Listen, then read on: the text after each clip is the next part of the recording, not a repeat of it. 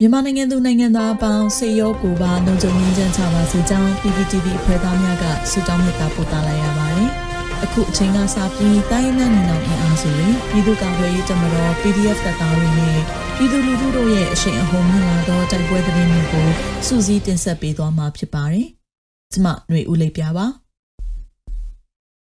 ပထမဆုံးအနေနဲ့စစ်ကောင်စီတပ်များအတွက်ရိခတင်ဆောင်လာသောယထာမိုင်းဆွဲတိုက်ခိုက်ခံရပြီးစကောင်းသွဲချောင်းထဲထိုးကြကမိယထာဝန်ထမ်း2ဦးသေဆုံးပြီး2ဦးအပြင်းထန်ဒဏ်ရာရတဲ့တဲ့တင်တင်ဆက်မှာပါမန္တလေးတိုင်းပြောပွဲမြို့အနီးစစ်ကောင်စီတပ်များအတွက်ရိခများတင်ဆောင်လာသောယထာမိုင်းဆွဲတိုက်ခိုက်ခံရပြီးယထာတွဲများချောင်းထဲထိုးကြကမိယထာဝန်ထမ်း2ဦးသေဆုံးသွားကြောင်းဒေသခံများထံမှသိရှိရပါသည် နိုဝင်ဘာ18ရက်နေ့ည9:00နာရီဝန်းကျင်မန္တလေးတိုင်းပျော်ပွဲမြို့အနီးစစ်တပ်ရိတ်ခါများတည်ဆောင်လာသောယထာကိုမိုင်းဆွဲတိုက်ခိုက်ခံရခြင်းဖြစ်ကြောင်းပျော်ပွဲနှင့်ရွှေသားအကြားမိုင်းဆွဲခံရခြင်းဖြစ်ပြီးယထာတွဲများချောင်းထဲထိုးကြသဖြင့်ဆက်ဘိုနှင့်မိထိုးတည်ဆုံးကြောင်းယထာတွဲအချို့ချောင်းထဲပြုတ်ကျလျက်ရှိစေဆဲဖြစ်ကြောင်းသိရှိရတာပါ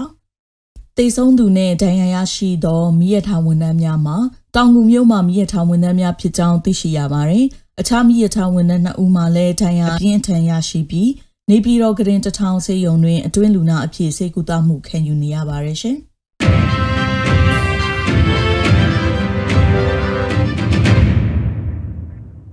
ဆက်လက်ပြီးဟာခမြို့နယ်အတွင်းတိုက်ပွဲများတွင်စစ်ကောင်စီတပ်မှ3ဦးသေ14ဦးဒဏ်ရာရကြီးစံများနဲ့အုံဆောင်များချင်းပူပေါင်းတပ်ဖွဲ့ကတင်စီရမိတဲ့တရင်တင်ဆက်မှာပါ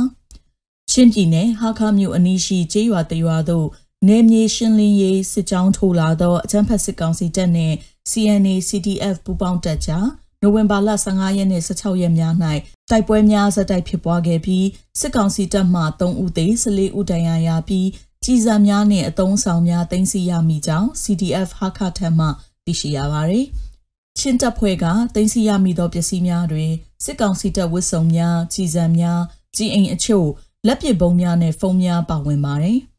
ဟာခမြို့အနီးတွင်တိုက်ပွဲအပြီးစစ်ကောင်စီတပ်ကဒေသခံရွာသားများကိုဖမ်းဆီးကလမ်းပြတဇက်ကအဖြစ်အုံပြုနေကြောင်းချင်းမျိုးသားတမတော် CNA ပြောခွင့်ရ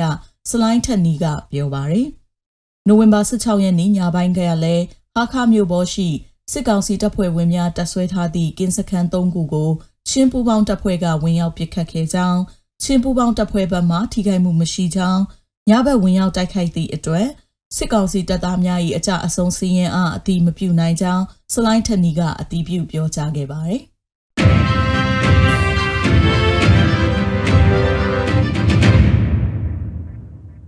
ဆက်လက်ပြီးနိုဝင်ဘာ19ရက်စကိုင်းတိုင်းတိုက်ပွဲသတင်းအချင်းချုပ်ကိုတင်ဆက်မှာပါ။ကလေးမျိုးနဲ့ကင်းမွန်ချောင်းတိုက်ပွဲအကြမ်းဖက်စစ်ကောင်စီစစ်သား2ဦးကြား CTF KKG ရဲဘော်2ဦးတိုင်ရာရပြီးမစိုးရင်ရရှိခဲ့သလို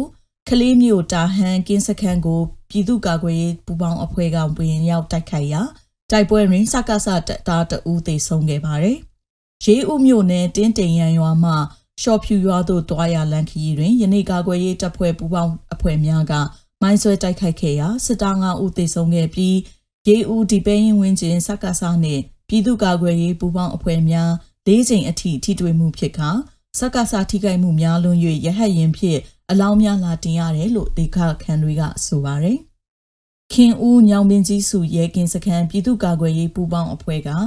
တိမ့်ပိုင်မီရှိုစစ်ကူလာသောကားကိုမိုင်းဆွဲတိုက်ခိုက်နိုင်ခဲ့ပါတယ်။ကတာမှာ KIA plus PDF ပူးပေါင်းအဖွဲ့များနဲ့စကားစားတို့တိုက်ပွဲပြင်းထန်စွာဖြစ်ပွားနေပြီးအကြအဆုံးမသိရသေးပါဘူး။အလားတူကျွန်းလာမှာလည်းပြည်သူ့ကာကွယ်ရေးအဖွဲ့များနဲ့စကားစားတို့ထိတွေ့တိုက်ပွဲများဖြစ်နေပြီး နှစ်ဖက်အကြအဆုံးမသိရသေးပါဘူး။